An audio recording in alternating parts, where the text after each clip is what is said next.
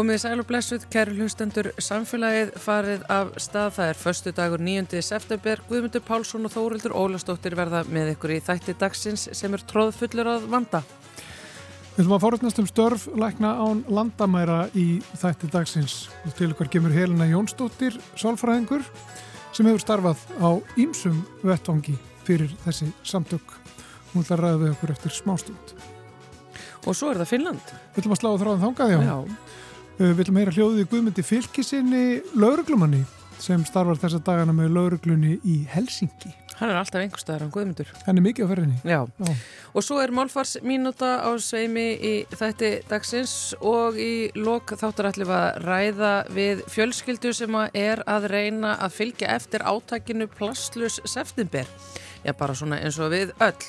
Jú, þessi fjölskylda er svona að taka þetta efni sérstaklega föstum tökum. Eh, ætlar að gera hvað hún getur til þess að draga úr eh, plastnótkun sinni sem að hún segir því miður að sé frekar mikil sem er líka eitthvað sem ég held að við glýmum öll við. Hún ætlar að leifa okkur að fylgjast með sér þennan mánuðin og við fáum að kynast hennu örlítið betur hér og eftir. En uh, við byrjum í eftir öskamna stund á læknum án landamæra.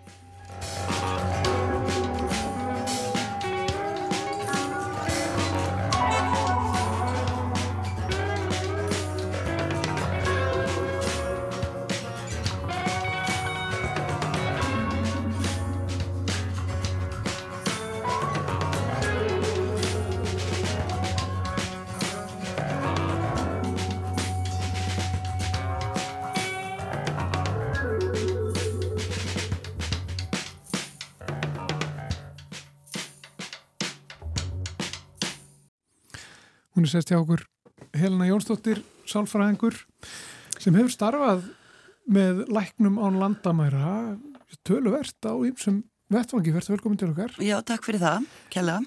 Getur þú byrjað að segja okkur bara frá þinni reynslu og, og hvernig þú hófst störf hjá þessum samtökum og hvað þú hefur verið að gera? Þú ert sálfræðingur. Já, ég hérna er sálfræðingur sem er auðvitað afar áhugavert og skemmtilegt starf og allt það sko, en hérna það var svona eitt dag eins og ég hugsaði Helena, er það þetta sem ætlar að gera það sem eftir er æfinar, keira þessa leið í þessa vinnu og, og hitta fólk. Og ég sagði nei, sendin umsöknum kvöldið og var komin til Afganistan þremum mánuðum setna. Þannig að það gerðist fljótt og vel. Þetta er einhver besta ákvörðum sem ég hef tekið, ég verð að segja það. Uh, hún er ekkit fyrir alla, það er ekkit fyrir alla að vera í Afganistan og þeim stöðum sem ég verið á en það að vinna fyrir þessi samtök er ekkert mesta tækifæri til þess að auðvitað bara láta gott að sér leiða. Uh, sjá heiminn og sjá hann kannski á slóðum sem enginn fer á. Uh, það er ekki allir sem fara til kundus í Afganistan eða, eða hérna, já, eitthvað hér að það sem ég verið í Suðusutan og fleiri stöðum og ég tala nú ekki um að bara svona einhvern veginn vakna á mótan og finnast maður að vera, já, gera eitthvað gott sko. Já, og hvernig eru þín verkefni, hvernig hafa þau verið? Sko ég er sálfræðingur og það spyrja með margir, byrju, er, þetta ekki læknar á landamæra? En hjá samtökunum starfa allra tegunda fólk, að við erum verkfræðingar og læknar og hjúgrunafólk og reyngjendingafólk og svo eru svona logistikarar sem að sjá um allt svona hérna flutninga og, og svo leiðstótt og viðhald og Svo eru uh, fjármálastjórar og mannestjórar og lögfræðingar og bladamenn og útfarsfólk, þannig að þið geta endilega sótt um. Já, þannig að þetta eru svona bara allra tegunda kveikindi sem að hérna starfa fyrir samtökin. Ég er sálfræðingur sem þýðir ég vilt að ég er með bara teimi af ráðgjöfum á minnum snærum sem að sér þá um að e, veita sálfræði þjónustu á annarkort spítala eða klínik sem að við rekum þá á viðkomandi stað. Og þú fyrir nokkra ferðir. Já, ég er búin að fara sjö sinnum. Já, sem ég þá. Já, mislangt. Sumt einu sinni fór ég tvo mánuði og lengsta verkefni sem ég var í var næst í tól mánuðir. Það var í Beiruti, í Líbanon, eða sérst já, í Líbanon allari. Og eru þetta þungverkefni? Er þetta, er þetta erfið verkefni? Já, þú veist, þetta er þungt. Ég minna við, hérna, horfum upp á heimsins vestu eimdi vilt í okkar störfum og bara Jemen, svo ég teki þessum dæmi, það var þetta bara þungt og erfitt og bæði hungur, þess að já, mikil hungursneið og, og þetta stríðsástand og, og hérna erfitt ástand bara almennt í svona heilbreyðs þjónustu.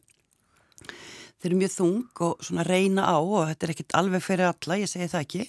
Viðkvæmistu blómin ættu nú kannski að, að hérna, ekki að hugsa, ekki að fara þessar slóðir en, en þetta er ótrúlega gefandi og svo er þetta bara lífið í samtökunum og búa með 20 manns á einhver staðar á stað frá öllum þjóðum, vinna með 700 innfættum jemenskum heilbreyðistarsmönnum, þetta er ólýsanlegt sko, þannig að það vegur mjög upp á móti allum erfileikunum svo eimdini sem að maður sér en svo er þetta líka bara hugmyndin að þú veist, við erum á staðnum, við erum þó allavega að gera eitthvað og það einhvern veginn vegur líka upp á móti eimdini sem að maður höfður upp á að veist, við kemum ekki að neina vorkinni fólki, fólk er að veist, vinna að sínu og við erum að gera okkar og allt einhvern veginn verður þá pínliti betur allavega á hverjum degi.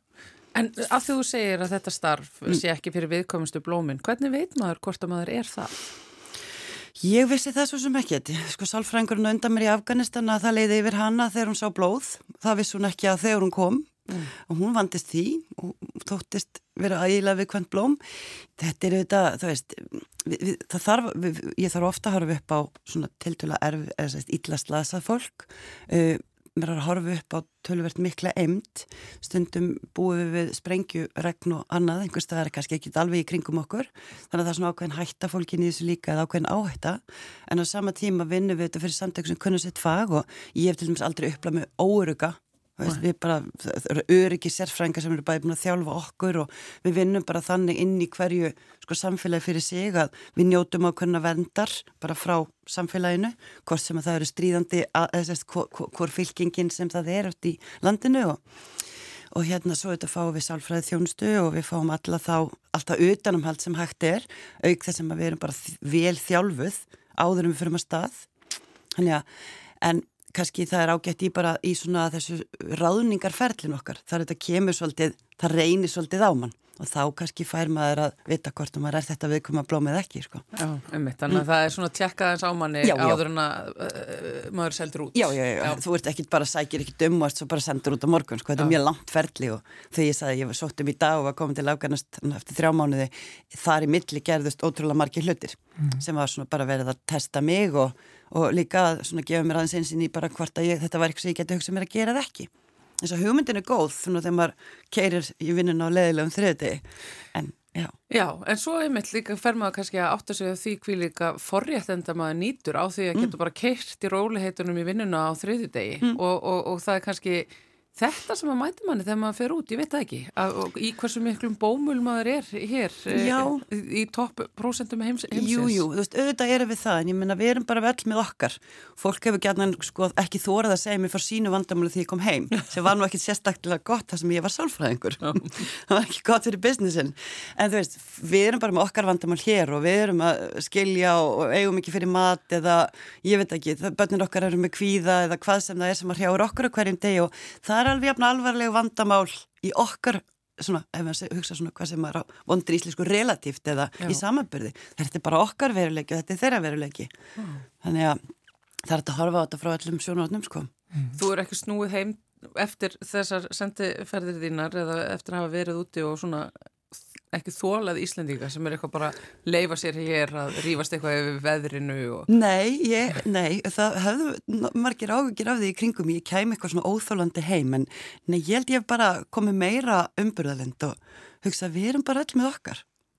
Þannig að nei, ég, já þú spurði vinið mína, nú veit ég ekki kannski er ég óþólandi En hvernig er ykkur tekið þegar þið komið á, á þessa staði þar sem að, að þarf aðstóð og, og það er það er kannski ófriður og það er ekki allir mm. sammála endilega um að, mm. að allir megi valsa um þar sem þið vilja valsa um og er ekki kannski allir sammála um hvar þörfin og aðstóður mest og svo framins. Nei, nei, þetta er þetta, við, þetta, við vinnum í 70 landum einhverjum 400-500 verkefnum, við erum búin að gera þetta síðan 1971, veist, við kunnum okkar fag, við kunnum að koma inn, við kunnum að semja okkur inn, við kunnum að uh, faraþunga sem okkar er þörf og við kunnum að uh, stunda bara hlutleysi.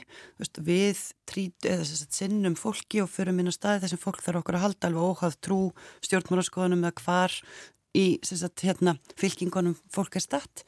Uh, Við erum líka heppin vegna að við erum bara þekkt samftök að þessu 6 miljónir manna sem stýði okkur daglega, eða að mánaðilega peningalega, þannig að 95% af okkar fjármunum koma frá einstaklingum og svona einhverjum óháðum stofnunum, ekki frá ríkistjórnum, þannig við erum ekki háð ríkistjórnum í hverju landi, þó er sem þetta háði að semja okkur um að við fáum að vera þar. Uh mhm. -huh. Þannig að okkur hefur gengið mjög vel og auðvitað, jú, þú veist, fólk er þakklátt í flestum tilfellum og allt það, en, en við erum auðvitað mest þakklátt fyrir þau vegna það má ekki gleyma því að e, til dæmis í Jemen þar sem ég var núna þá voru við 20 svona alþjóðlega starfsmenn það voru 600 Jemenar að vinna á spítalanum.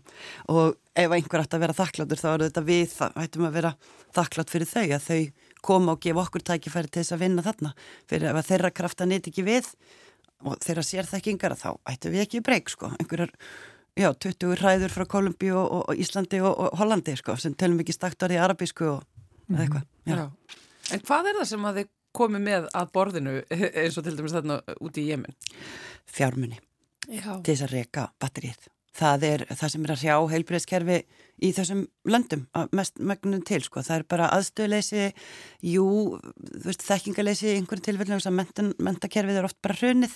Og heilbreyðskerfin eru bara hrunin, þannig að við komum inn með innviði, við þurfum ofta að byggja eitthvað við þurfum komum inn með öll lækningatæki við komum inn með okkar sérþekkingu og okkar svona staðila í þú veist, læknisþjónustu og okkar starfsfólk og þetta sem er, sérst, ég er til dæmis yfir bara svona halgjöru þjálfari eða handleðara fyrir mitt starfsfólk og svo er það þau sem veita þjónustuna. Þau bara hitan og þungan að því veita þjónustuna hverjum degi og mæti í vinnuna þrátt fyrir sitt mm. og það er okkar að keira það með innviðum fjármunum og sérþekkingu, skulum við segja. Mm. Mm. Og hvaðan koma fjármununir? 95% frábara, já. Það er bara sama, já, já, þetta er alltaf já, sama bara. Já, og alveg ótrúlegt batteri, sko, sem að hérna, og þetta þarf mikið til að keira þessi samtök og það, veist, það er batteri hér og þar um heiminn, það sem er verið að safna peningum, en en hérna heiminu sér okkur fyrir nógu krísum og umlega kemur upp krísa og sapnast meiri peningar þetta er einhvern veginn ótrúlega neikvæður en jákvæður sko vitarhingur sem við erum í mm. Mér langar að spyrja þig úti af því að þú ert uh, sálfræðingur og, og eins, og eins og þú lýsir því það núti í Jemen að þá ert þú bara svona teimustjóri sem að hjálpa síðan fólki sem að síðan náttúrulega sinna uh, uh, Jemenunum sjálfum, mm -hmm. Jemenar að sinna Jemenum. Mm -hmm. Var þetta til dæmis sko munin á því að vera sálfræðingur og, og skurðlæknir eh, í, í löndum sem þessum. Eh, er sálfræðið þjónusta þekkt fyrirbæri og viðurkjent eins og til dæmis í Jemen? Frábær spurning. Sko, já, veist, ég, það voru bara komað sjötu í svona það sem við kallum community leaders, eða svona, svona leðtóri samfélaginu, mikil svirtir menn og þeim leið bara ekki nógu vel og voru eitthvað sárir og dabrir í hjartanu og þeir koma til okkar og svo er þetta bara mjög alveg, það sem kannski keirir þetta svolítið áfram, það er mjög alveglega geðsjúkdómar sem að hrjá oft fólk sem að, að býr við þar aðstæður og það er streitu og svona það er aðstæður sem að fólk býr við. Þannig að, að svona hlutfall þeirra sem að greinast með alveglega geðsvíktum er mun herri þarna eldur en annar staðar sem keirir svolítið þörfina fyrir okkar þjónustu, sálfræð þjónustuna en svo svona er það okkar eða mitt og minnst heimis að vinna þannig að við fyrir út í samfélagi til að kynna þjónustuna. Já. til að segja frá þú veist hvað er eðlileg geðhelsa, hvað jáka geðhelsa, hvað er neikvað geðhelsa, hvenar eigum við að eða gætu við haft gott að því að leita til sálfræðings og þarfum til göttunum, þannig að En maður heyrir ofta sko uh, heilbriðstjónustu, hún er stundum svona röð upp bara hvað er í forgangi, mm. það er fæðingaþjónusta, mm. það eru ákveðna skurðagerðir, það er beinbrott, ég er bara velta fyrir mig sko hvað sálfræðiþjónusta lendir á þessum lista. Sko MSF eða Læknar Landamæra tóku ákveðin fyrir 15 ára síðan að setja geðhilsu mjög óvalega, þannig að það er bara, veist, það er ekki drætt frekar. Hvort sem að skurðlæknunum finnst það svo endilega vera það skulum við, hérna, við, við ræðum það já, síðar. Við, undir kaffepotla já, já, ég held að við, eh, já, já. við tökum það ekki lengur hér. Nei, nei. En fólk sem hefur áhuga á þessu og vil mögulega starfa fyrir samtökin, eh, hvernig hvernig eh, ber það sig að og hvernig ber að samtökin sig að ef mm. þau vantar fólk? Mm. Sko, bara dæmi, nú erum við með þess að kynningarfundi í næstu vöku, miðugut á fymtag, bæðið Akureyri og Reykjavík, þar sem við erum að kynna samtökinn fyrir þeim sem eru raunverulega áhuga samir. Uh, það er að fara bara beint inn á legir utan grensar, punktur NO, sem er þess að norsku samtökinn sem sjáum Ísland. Það er að það sækjum En við, svona, við viljum helst að fólk reyna að koma svona kynningafund eða hafi samband við mig eða einhvern sem hefur verið að vinna hjá vegna þess að e, við fáum mjög mikið umsóknum og margar þeirra eru sagt, í raun og veru kannski fólk sem hefði ekki dátt að sækjum, það brátaðis ekki tendla á því, mm. en hugmyndin er að sagt, við ætlum að halda þessa kynningafundi næstu viku og miðugut á fymtag uh, til þess að svona, fá meira, uh, fólk fáið okkur svolítið bara beint í æð uh, það sem við ætlum að kynna bæði í samtökinu og hvað þarf til og hvað skilir við gerum fyrir því að ráða fólk, líka bara hverjum við erum að leitað. Og það er svolítið skemmtilegt að sko, það, er, það er ekki bara læknir og sálfræðingar og hjúgrunfræðingar, þess að við sagðum það, þetta er bara arkitektar, bladamenn, veist, hérna, verkfræðingar, smiðir og fólk úr, já, alls konar greinum, apotekurar, livjatæknar, fleira fólk. En ætlar þú þá að kalla kannski eftir einhverju ákveðinni sérþekkingu hérna eða? Já, sko, það er mikil vöndun á sálfræðingum eins og staðan í dag. Já. Það er alltaf mikil vöndun á svona kvennsýtoma, eða þess að kvennlæknum, gríðilega vöndun. Um, svo eru bara læknar almennt, barnalæknar eru ekki á hverju, hverju strái. Þannig að það er svona, já, þetta eru svona kannski það stjætti sem við mest leitum að.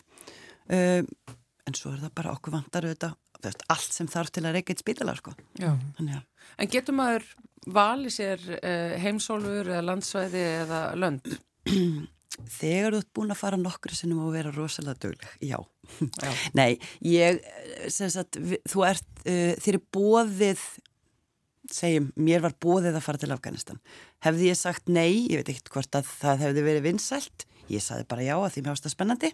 Þannig að þú getur ekki sagt ég vil fara til Afganistan eða ég vil fara til Suðursútan en þú getur kannski svona aðeins sagt e, ein heimsála fremur en önnur og það er aðeins kannski bara tungumálakunnatinni það er þess mikið hérna uh, í 70% af okkar verkefnum er til franska, mikið svo okkar verkefnum er mjög gætnan í Afriku, í fransku mælandi Afriku, þannig að það er veist, það er mikil sens að þú vildir gætna fara til Afriku þá er það mjög líklegt að þú komist ángað þannig að við skulum segja að þú getur ekki alveg valið eða svona þú getur, já þú getur ekki ráðið en þú getur hefur eitthvað val. Heli, nú hefur þú farið til allra þessara landa í alveg nokkra ferðir. Hvaða mm. land eh, hefur tekið svona stærsta stað í hjertan og líður? Afganistan. Já. ég fæ svona bara, já og það er svolítið skrítið, það segir þetta bara allir. Ég hérna, hef verið viðtölum um já, ég hef verið viðtölum hér bara með konum þar sem við fjallumst eil í faðma þegar við uppgöndum við höfum báða farið til Afganistan. Það er bara einhver ljómi. Ég, það er bara æðislegt fólk alveg með ólíkindum hérna röstnarlegt og svona, hvað segir maður, það svona teku vel á móti manni og, og ótrúlega svona, já Er, er það satt að það sé einhver andið þarna? Því að þú, þú ert ekki fyrsta manneska sem að tala svona um aðgjafi. Ef það væri sjó, sjó, sko, myndavel á mig núna, það er svona, það er svona pínu vota með raugun, bara Já. tala um þetta. Já. Já. En sko, svo er þetta bara, þetta er þetta allt meina, fólk er allstaðar æðislegt, sorry. Það er alveg sama hvar við okkur, veist, við förum, ég meina Íslandingur eru frábærir ef þú bara leggur þið fram við að kynast þeim sko. og það eru söður sútanir líka og, og að vera í Líbanon var bara stórmerkilagt, einhver söður pottur af menningarheimum og, og ólíkum trúar hérna, flokk, flokkum eða hópum og já, veist, Jemen var veist, fólk var svo röstnarlegt að ég kom heim, ég vilt grennist fólk sko, en það var mjög erfitt þarna. Það var bara verið að færa mér mat alla dag það fréttist að mér þetta matur góður og sterkur matur góður og það einhvern veginn raðaðist inn réttirnir frá hérna húsmaðurum wow. Jemen. Þannig að það er hvert sem þú ferð fólk er frábært. Já, það kemur um maður sér að þetta, þetta, þetta líf og, og þetta starðitt hefur hérna bara sett ljóma já, já. í auguna Já, já, algjörlega. Og þannig að ég, ég já, ég get ekki hvart fólk nóg. Ef þú ert bara með, ef þú gengir með þessa hugmynd einhver tíman í maganum, þá eru Læknir og landamæra frábær samtök að vinna fyrir. Uh, það er eitthvað ofbúslega fallegt og gott við þau, þetta er svona, já, þetta eru alvöru samtök sem að gera mjög gott og vinna ofbúslega faglega og vel. Og ég, þú veist, mæta á kyningafönd miðugudaginn og akkur er í, í Hófi klukkan 6 og fymtudaginn í næstu viku á Kekshostel og Gim og Tónik heitir það, klukkan 6 Umvitt Helena Jónsdóttir, eh, sálfræðingur eh, og starfsmæður lækna á landamæra. Eh, og gaman að fá því eins og Það var gaman að leika, takk fyrir mig.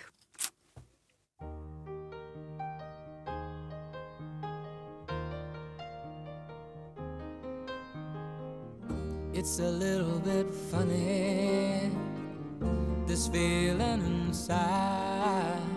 I'm not one of those who can easily hide I don't have much money, but boy, if I did, I'd buy a big house where we both could live. If I was a sculptor, but then again, no, or a man who makes potions in a traveling show. I No, it's not much, but it's the best I can do. My gift is my song, and this one's for you. And you can tell everybody this is your song.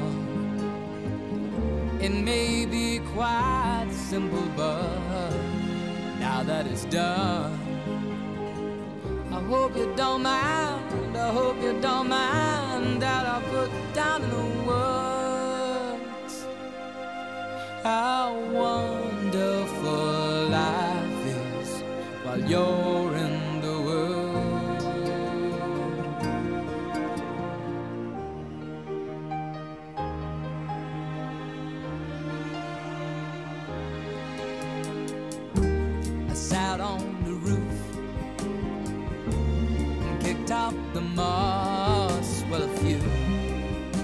the verses, well, they've got me quite cross. But the sun's been quite kind while I wrote this song. It's for people like you that keep it turned on. So excuse me for getting, but these things I do. See, I've forgotten if they're green or they're blue.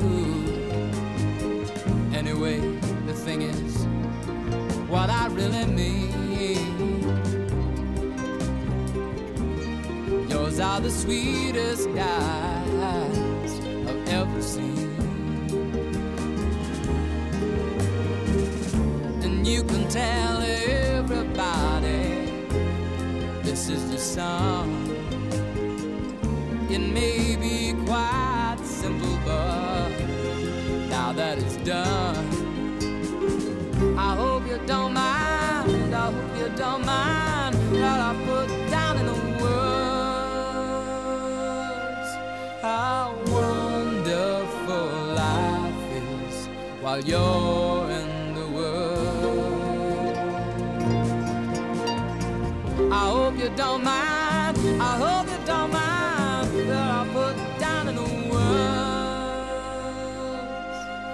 How wonderful life is while you're in the world.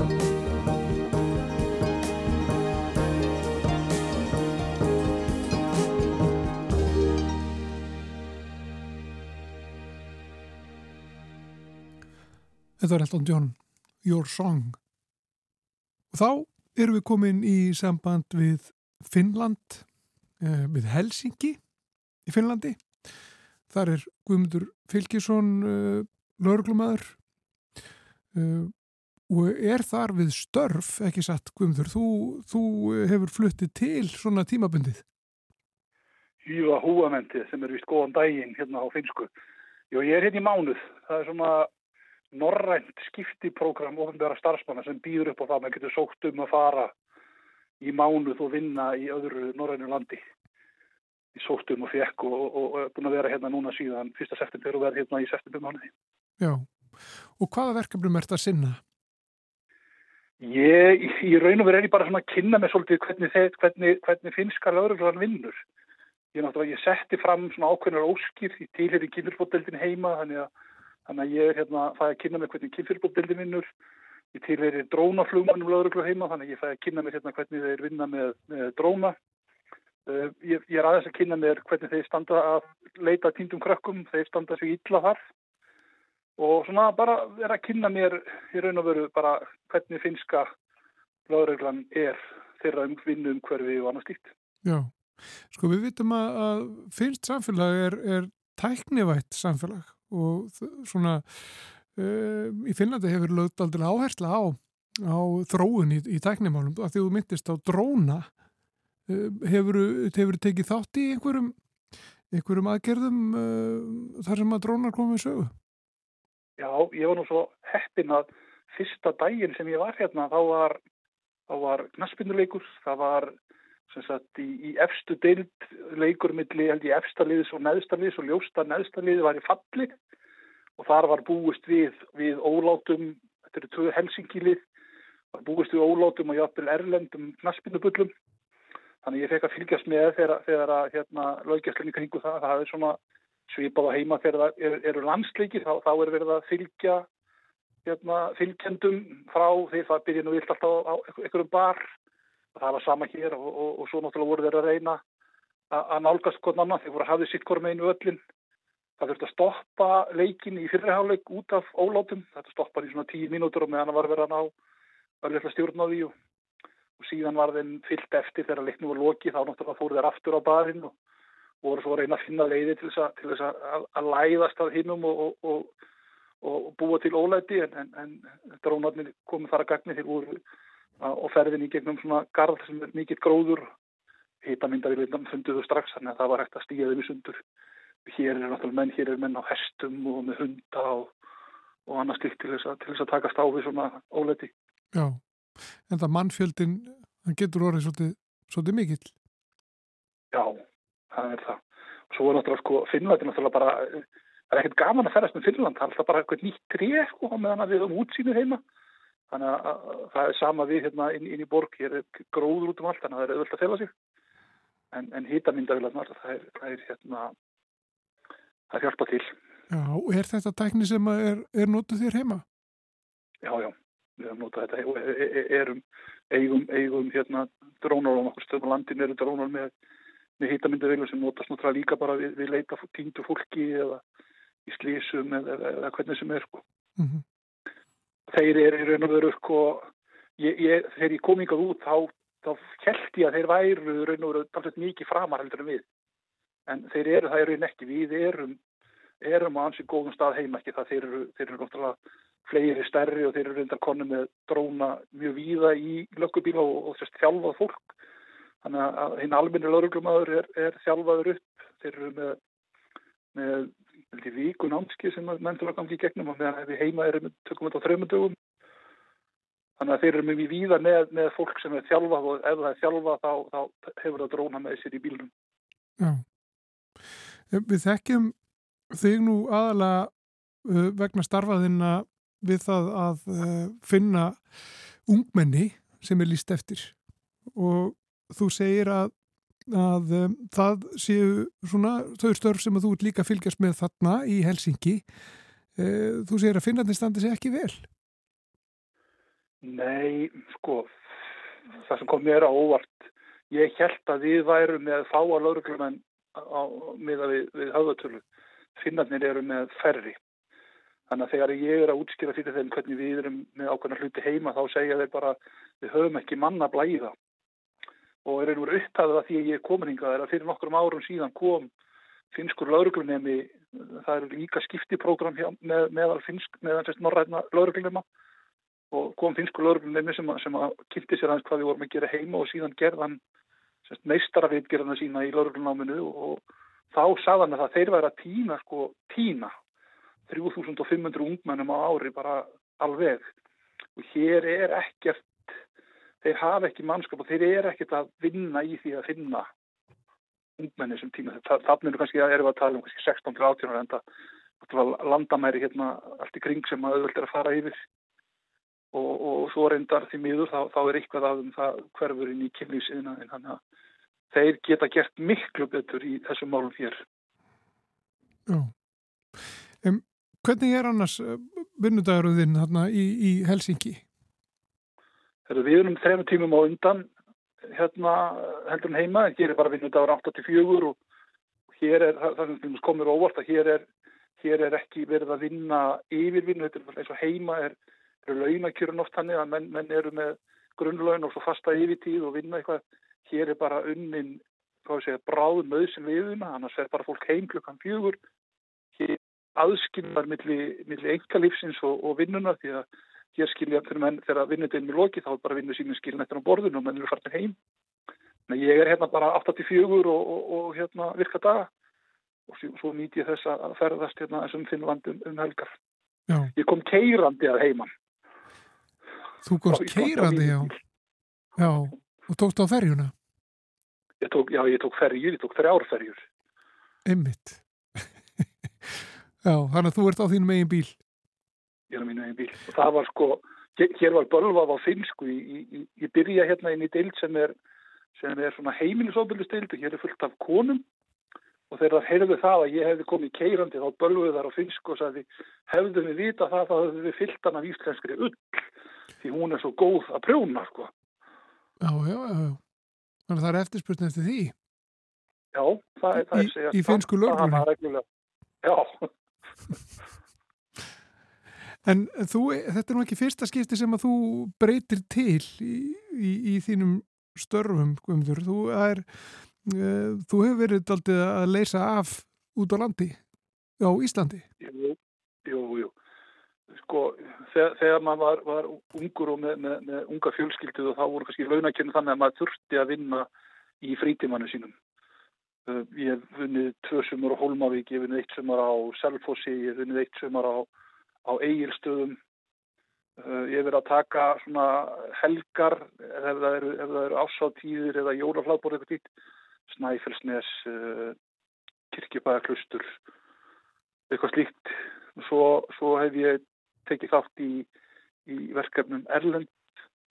Við fórum 96, þá fórum við hvað 20 eitthvað lauruglumenn frá Íslandi og, og, og, og gerðum það sem íþróttamennir okkar hefur ekki alveg náða að gera. Við fórum að unnum á ólöfbyrjum en, en komum kannski ekki heim með verðlunarpenninga en vorum að vinna við öryggiskessluna í Atlanta í, í, í, í Mandaríkinu 96.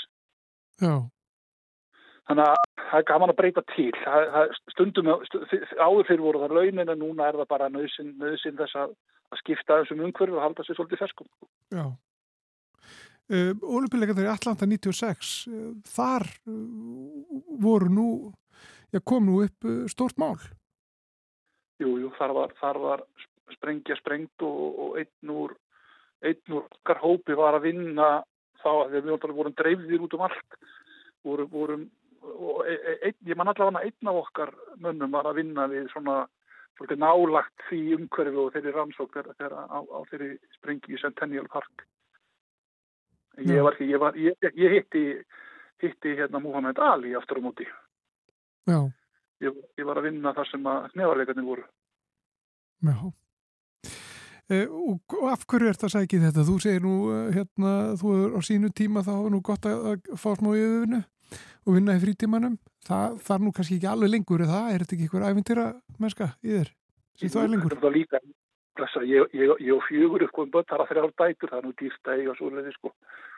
En, en þetta er nú meira, meira ævindir að þörfi nú að kynast einhverju nýju.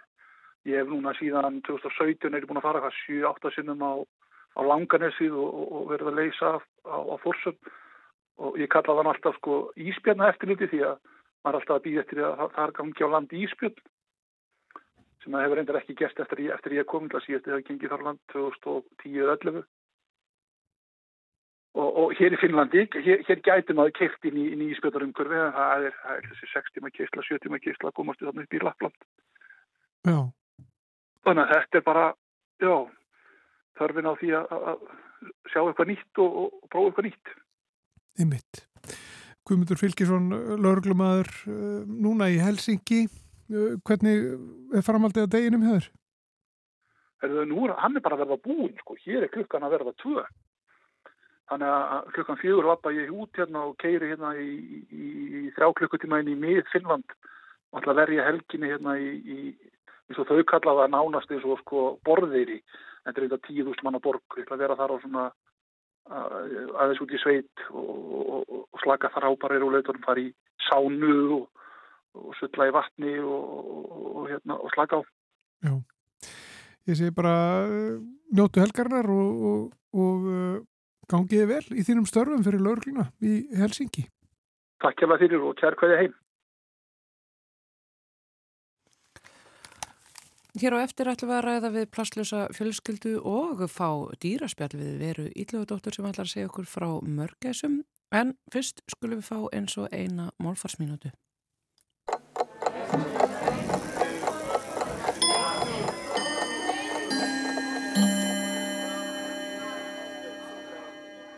Hafið þið einhvern tíman velt fyrir ykkur hvað talmál getur verið ófullkomið en þó fullkomið? Við byrjum ofta að segja eitthvað híkum svo aðeins, skiptum um skoðun og ákveðum að segja eitthvað annað. Við byrjum að tala áður en við erum búin að móta hugsunina, svo að frumlægið er ekki beitt í samræmi við sögnina sem kemur á eftir, á þess að við höfum fyrir því að leiðrétta það, en það skilst vel það sem við segjum. Við hættum jafnvel í miðri setningu og botnum hana alls ekki og samt skilst það sem við segjum. Það má ganga kraftaverki næst að börn geti tilenga sér málið sem haft er fyrir þeim og beitti eins og hver annar, en það geta þau og það gera þau.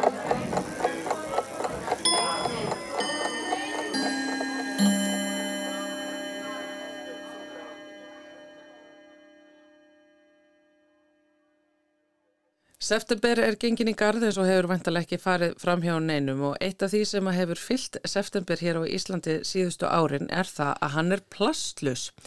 Já, átækið plastlus september hefur aldeilis sem fest í sessi, hefur vakið aðtegli þetta árið fyrir eh, já, frekar svona erfiðar auglýsingar þar sem að þau eru að segja okkur að við innbyrðum uh, kreditkort á viku. Sem sagt plastmagnið sem að fer ofan í okkur á viku í gegnum matvælin okkar er sem sagt því sem að nefnur plastmagninu í heilu kreditkorti það er pílundir lítið óþægilegt að sjá þetta svona fyrir sér. En uh, Plastlus September uh, hefur yfirleitt alltaf verið tekin fyrir hérna í samfélaginu þá á þann hátt að við fáum til okkar fólk sem að er að taka virkan þátt í þessu átaki er aðeins að skoða plastnótkun sína uh, og að þessu sinni hefur valist til verksins uh, hjónin Edvard Alli Birgisson og Gunnila Holmastóttir sem er hinga komin. Sælveriði. Já, sælversið. Segið okkur hlustendum aðeins frá okkur. Já, um, ég heiti Edvard Alli, kallaður Ebbi og er grafskur hönnuður. Uh, tvekja barna faðir í Hafnafjörðinum gifturinn í Gunnelu og við eigum eh, einn hund saman líka. Já. sem er ekki plastlös Nei, sem er ekki plastlös eins og eiginlega bara engi lifandi vera uh, í núttíma samfélagi Nákvæmlega. Sko, þið eru þá bara eins og þið lýsið ykkur hinn típiska íslenska vísutölufjölskylda Já, Já. Fullkomin í alla staði. Nefnum við eigum ekki bíl akkurat núna. Já, Já. Eruð þið hafnaferðinum bílaust tvö bönn hundur? Og eruð að taka þátt í plastlösum september uh, og þá kemur náttúrulega miljón dólar spurningin er mikið plast í lífi ykkar? Ég skal taka boltan uh, Já, það er rosalega mikið plast í lífi okkar. Og þó svo að hérna við séum svona talin freka meðvituð uh, þegar það kemur að bara hversu rent yfir höfuð að þá er rosalega erfitt að vera plastlaus og magnið er alveg gigantíst um, það er náttúrulega alveg mismikið en við erum með svona dall, við náttúrulega flokkum plastið okkar. Mm -hmm. og ég er með svona dall undir eh, við, erum með dall undir vaskinum, svolítið svona stóran og svo erum við annan inn í þóttási þar sem ég set yfir. Og kemur alltaf á óvart bara hvert sinn sem ég fer með dallin að hinn dollan sé full. Já. Já, það er bara þannig. Hafið þið einhver tíman hætt ykkur í það að vikta þetta? Nei. Þið viljið bara ekki sjá töluna. Er þetta svona eins og bara... Já. Nei, þetta, nei, það hefur enda bara aldrei kvarlað af mér einhvern veginn að, að, finn, að ná í viktinu. Ég vikt ekki eins og sjálfa mig þannig að ég Já, veit ekki alveg ég er ekki vanur þessum, þessum þingda en ég sá hann að, að það var hann einn kona sem var að tala um hvaða uh, hvað var þungt plastið hjá þeim og, og ég hugsa ég hugsa sko að, að, að hjá okkur er það ábygglega meira því að því meðvitaðri sem, sem maður er um, um þingdina og magni þá kannski fer maður meira að, að minga Já. en ég, þú er alveg að segja það á, á okkar heimili þá, þá er gunnilega miklu meðvitaðar um það heldur en kannski við hinn Já Ertu þá gunnilega eh, meðvitað að reyna að, að eh, bera minna af plasti inn á heimilið og, og hvernig ferðu að því? Já, sko, þetta er mjög svona, þetta er bara svona svo þegar maður fyrir megurun, maður nær tímabilum, Já. svo kemur eitthvað svona áhrif utan á hérna samfélaginu, svo núna var ég mastersnámi og, og fókusin fór svolítið annað, að þá eru meiri skindilösnum bæði bara þegar koma eldamennsku og öðru. Og skindilöstunar þær eru bara sko gildra, þú veist það leynist svo mikið af plasti. Hann er að hérna um leið og ég svona einhvern veginn dett út á spórinu og komið þanga og þá allt í henni fyllist alltaf plasti. Svo þegar ég svona róast hjá mér sjálfri og ég næði svona verða aðeins meiri sen að þó næði ég einhvern veginn að stjórna því betur hérna hvort að plastið sé að fylgja mér heim eða ekki. En þetta er alveg, þetta er alveg flókjað því að þú veist, við tölum um, veist, við höfum alveg, við erum búin að nota bambustambustæði mörg ár og vorum með tangrastöflur og svona. En þetta eru svona hluti sem er kannski bara að vestla einu svona í mánuði maks. En svona þessi hluti sem er að vestla dagstaglega, það er mesta plastið af því eiginlega. Nefndu dæmi, svo til dæmis, hvað er svona plast frekasti luturinn sem að þið eru alltaf að nota í eitthvað lífi? Mér finnst til dæmis utanum grammiti alveg Já. ótrúlega mikið af plasti, Mhm. bara eins og tómatar og hérna Kálið, kálið og veist, plastbakki með plastumbúðum, gúrka og allt þetta. Já, og ég reyni að kaupa mjólkuvöru sem eru frekar í pappa, skilur við, ég er alveg búin að vera þarna, en það er samt sem áður er ótrúlega mikið plast sem að fylgja matnum okkar, sko. Þannig að það er í rauninni eins og þið eru að lýsa þessu viss ómöguleiki í málinu. Já, og sko, samt, við erum alveg búin að ná langt á, sko, ég er búin að vera að hugsa um þetta í þrjú ár og við erum alveg náð langt, skilur alveg margt búið að gerast, en það þarf samt margt að breytast. Og það er óslega erfitt þegar að, hérna, þegar boltin liggur ekki kannski hjá mér heldur hjá framleiðendum. Mm. Að, hérna, að maður get ekki, já, haft meiri áhrif. Já. En þetta er einmitt svolítið aðteglisvert sem þú ert að koma þarna inn á af því að núna er þessu átæki plastlösu september beint náttúrulega, úst, náttúrulega að samfélaginu svo svo öllu en, en það eru einstaklingarnir sem að eru að, að takast á við þetta og upplifa náttúrulega þennan ómöguleika og þessa frústrásjón það sem er bara eitthvað, mér er ekki gert kleift að losna við plastið, Þú veist, hvað ég hægt að borða? Og ég hægt að gefa hundinu mínum að borða? Hvernig ætlum við að gera þetta? Já, Sko, ég, ég er svona, þú veist, ég, ég oft horfa á þetta líka svona sem hönnuður, sko, Já, og hérna, og, og þú veist, það er náttúrulega, þessi ómöguleiki er náttúrulega til staðar og þá er náttúrulega bara mikilvægt að það sem maður kaupir að plasti, að maður, þú veist, skóli þá umbúðunar og flokkið þær. já, Þú veist, það, það, er, þú veist, það er alveg minim- minimum sem maður getur gert. En síðan er, þú veist, síðan koma svona lausnir eins og til dæmis þegar að við tökum plastskeiðina úr skýrdóllunum og það verður einhver pappa eh, sem að allir verða ógislega óánaði með og þá einhvern veginn þá er það svona hönnunagildra sem að býr til svona óánægi og frústreringu hjá notenda um, og hérna og ég talaði einu svona við mann sem vinnur í plastiðnanum og hann sagði, þú veist, við erum látin gera þetta en við, þetta, skeiðnar eru samt búin til úr endurunnu plasti sem kemur til okkar. Um, af hverju var verið að setja pappaskeið, af hverju er það umhverfisvætna, hvernig væri bara að segja við fólk, takt þú bara með þér þína skeið og vaska hann síðan upp. Já, já. þú veist, það er raun og veru lausnin sem að maður ætti kannski sem samfélag að, að, að, að nýta frekar heldur en að vera framleiða papaskeið.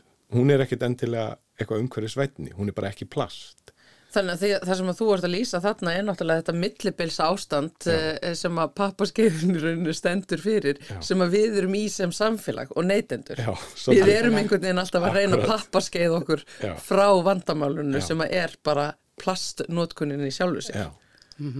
Og þú veist, það er svona sem maður að venja batni sitt af snuði eða eitthvað, veist, Já. hvað, hvað gerir maður í milli, skilur Já. alltaf svona eitthvað transition tími skilur, sem er mjög skiljanlegt og, og ég meina annað sem að þú veist kannski við vorum að tala um þetta veist, það sem við gerum líka er að þú veist sjáta át á örnu og krónuna og svona þú veist það eru svona það eru einhver fyrirtæki sem eru alveg að taka við þessu og, og hjálpa manni þá þegar maður er ekki að hugsa stöðugt um það veist þá er samt þessir hlutir eru það núti, það eru einhverjir að taka boltan sko og, og það er vel. En, en það er svona, já við erum í einhverju svona transitioni núna sem er gott líka. Þú veist það er verið að reyna að finna einhverja lausnir.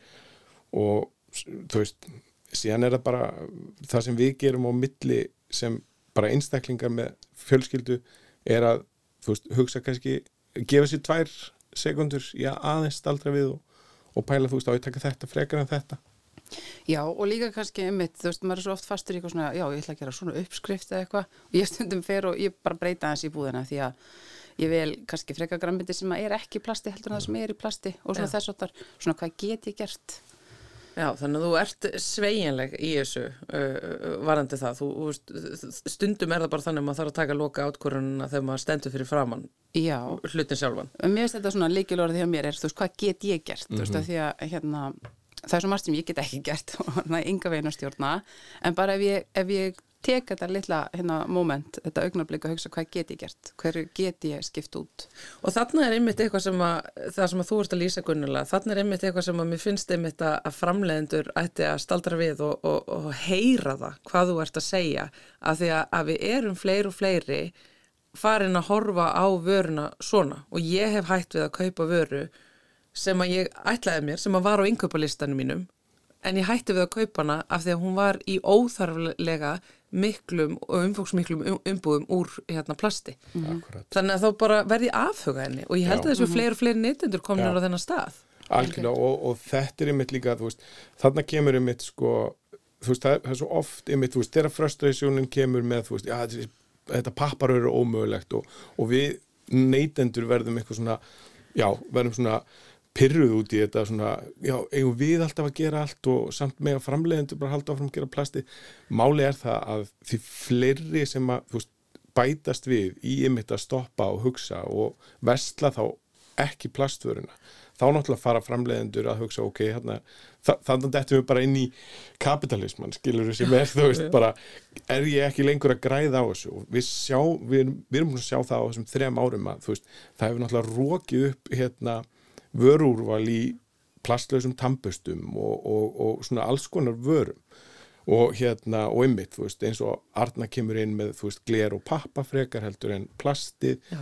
þú veist uh, þú veist, af hverju eru ekki bara fleiri að fara þangað þú veist, það er svarið, er, þú veist, þeir eru á leiðinni þangað, Já. en það, það, þú veist, það krefst þess að bæði við og stjórnvöld erum að þrýsta á og því meira sem við hugsum um það því minna verður eftir af, af, af þessu hérna peninga svona peningahliðinni sem er, þú veist, við getum ekki lengur grætt á þessum helvitis grænfriðungum Nákvæmlega.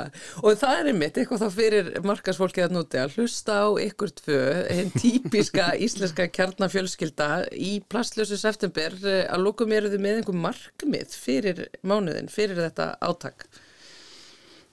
Já, Og að að það sem að þið segið núna þið látið síðan, hérna, verður rifjað upp fyrir ykkur þegar þið komið hérna til okkar næst. Já, sko, ég hef uh, verið að gera betur.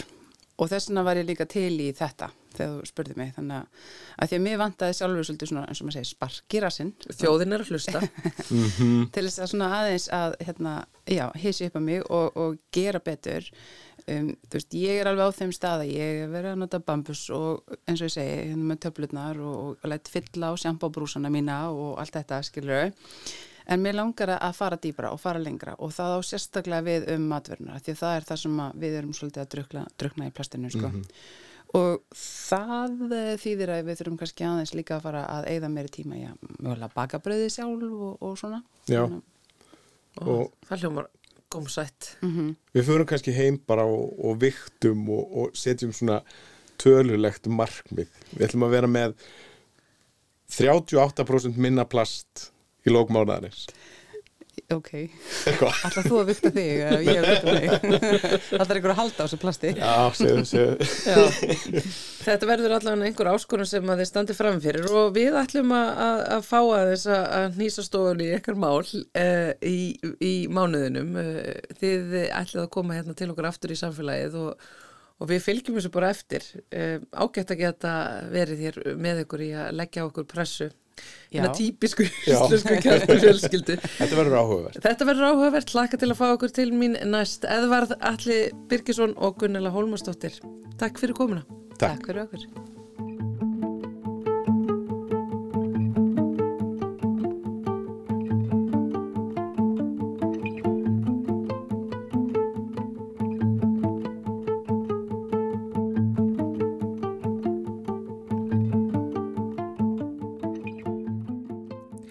Og við komum inn hérna í lok þáttar í samfélaginu til þess að fjalla um stórmerkan atburð með hjálp veru Íllaðadóttur. Sælvertu vera. Komið sæl. Það eru nýsjálfnarskar mörgæsir, það eru frettir úr þeim heimi. Já, svo sannarlega. Uh, ég getur eitt ímynda mér að hlustendur uh, fylgist með kjöri á fuggli ásin sem að nú stendur yfir og uh, við um áður hér í samfélaginu rættum það að, að svo kostningur þetta haldin af nýsjálenskri fyrirmynd, ja. nýsjálendikar kjósa fuggl ársins með miklu, mikil fyrirhöfn á ári hverju en þeir kjósa ekki aðeins fuggl ásins heldur einnig mörgæs ásins ja. mörgæs hefur uh, vissulega orðið fuggl ásins á Nýjasjálandi en en mörgæsir þykja það merkilegar að þær eru með sína eigin keppni Æla og uh, það er sem sé uh, sérstök mörgæsa tegund uh, sem að heitir, ég held að ég hef kallað hana áður á íslensku allavega smámörgæsin, heitir á ennsku Little Penguin og er minsta mörgæsa tegundin eins og nafnið gefur til kynna og hefst við við strendur Nýja Sjálands. Mjög litlar, mjög sætar verð ekki nema svona 30-40 cm háar, eitt til 2 kíló af þyngd, svona, svona bláleitara lit, afskaplega uh, falleg og sætt uh, kvikindi. Og þjóðar sættir að sapn Nýjasjálands sem er í borginni Neipér á norðureyju Nýjasjálands er sérstaklega þekkt fyrir að það, þar búa margar svona smá mörgæsir uh, í afskaplega góðu yfirlæti uh, að mér sínist allavega á myndum og mikið til mörgæsir sem hefur verið, hef verið bjargað úr erfiðum aðstæðum, hafa fundist slasaðar og, og, og svo framvegis sem að fá þarna inni eins konar, eins konar atkvarf en og búa þarna við bestu mögulegu aðstæður held ég með að við að vera í, í, í haldi manna en uh, kunna kannski ekki alveg allar að, að meta hvað þær hafa það gott af því að þær eru sumar daldið óþekkar Nú. og hérna og haga sér illa og þess vegna hafa dýragars eða sæt, sætira sapnverðir gripi til þess að ráðst til þess að reyna að fá þær til að haga sér alminnilega þá sagt, halda þeir úti uh, mánadarlega uh, útnefna þeir uh, annars vegar bestu mörgæs mánadarinn sem að hefur hagað sér best þægasta mörgæs en eiginlega og hins vegar óþekkasta mörgæs mánadarinn svo sem að hefur gert eitthvað, eitthvað af sér og þess að verið útnefnd óþekkasta mörgæs og þetta er svona spjald sem að, sem að er þarna á sætirsafnu og síðan hafa þeir einnig byrt þetta á, á uh, samfélagsmiðlum í, í hverjum mánuði með sagt, útlýstingum á, á, á því hvað viðkomandi mörgjas hefur gert til þess, a, til þess að verðskulda þennan, þennan titil hvaða, hvaða uh, strákapör uh, mörgjasin hefur framið eða, eða, eða svo leiðis og þetta hefur gert að verkum að, að þessa mörgjas er að auðlast, svona, ég myndi segja mjög stóran aðdándahóp fyrir utan Nýjasjáland fólk sem að fylgist bara með þessu á, á samfélagsmiðlum og hefur, vil ekki komið í þetta sætirasafn nokkru sinni eins og, eins og, eins og, ég, eins og ég sjálf Já. og síðan er sem sagt uh, fólk, fólk fylgist með þessu og þetta er, þetta er mikil dramatík, það er mikil sem gengur á í, í lífi þessara mörgæsa sem sem að fær sem sé mánaðarlega fregnir af og síðan er kosið árlega um uh, mörgæs ársins. Og þá svona, þetta heitir bara mörgæs ársins, maður veit ekki alveg á maður, hvernig, maður á að, hvernig maður á að dæma. Er það, er ekki endilega þægasta mörgæsin sem að, sem að hlýtur þann hlýtur þann titil, það er bara svo mörgæs sem að, sem að nýtur svona hvað mestrar uh, almennrar hilli sem að fær þann titil. Og, og, og, þessi atkvæðagreisla stendur uh, nú yfir. Og og það var einmitt uh, dróð til mikill tíðinda í þessari, í þessari kostningu í, í fyrra því að þá loksins, það er sem sagt ein mörge sem er, uh, hefur verið undanfærin ár allræmt á sætarsafnu fyrir uh, já, bara óknitti, það er mörge sem mó sem hefur oftast verið útnemdur uh, óþekasta mörgjars mánaðarins fyrir uh, alls konar glæpi, hann stelur mikið fiski frá öðrum uh, mörgjæsum uh, og uh, er svona einhvern veginn að appast í, í, í félögum sínum. Einu sinni þá var hann útnemdur uh, óþekasta mörgjast mánadarins og eini, eini raukstuðningurinn var að hann væri hreinlega andstyggilegur. Uh, og, uh, og hann hefur svona bæði, hann hefur öðlast talsverðan fjölda aðdáanda þrátt fyrir, þrátt fyrir að hann sé svona óþekkur. Og í fyrra sagt, þá loksins eftir að hafa, eftir að hafa komist ofalega á lista uh, árum saman þá var hann, var hann útnemdur mörgis uh, ásins í, í atkvæðagreislu og það er fólk uh, hvaðan af áður heiminum sem tekur þátt í þessu, þetta er á, þetta er á netinu að, að, að sjálfsögðu. Þannig að þannig að það var svona ákveðin, ákveð, ákveð uppreist æru fyrir, uh, fyrir mó en núna eru það sex mörgæsir sem, sem að keppast um uh, þennan titil og þar á meðal er, er mó og, og síðan einnig aðrar mörgæsir uh, sem að, eru kannski þekktari fyrir góða hegðun, fyrir, a, fyrir að hjálpa öðrum mörgæsum, fyrir að vera, fyrir að vera uh, góður elskugi og svo framvegis, það er ímislegt sem að er tínt til þarna Uh, þetta, er, þetta eru þau Betty, Bernie, Kaftin, Dóra Martin og Mó sem að, sem að valið stendur um uh, að þessu sinni Með hverjum heldur þú?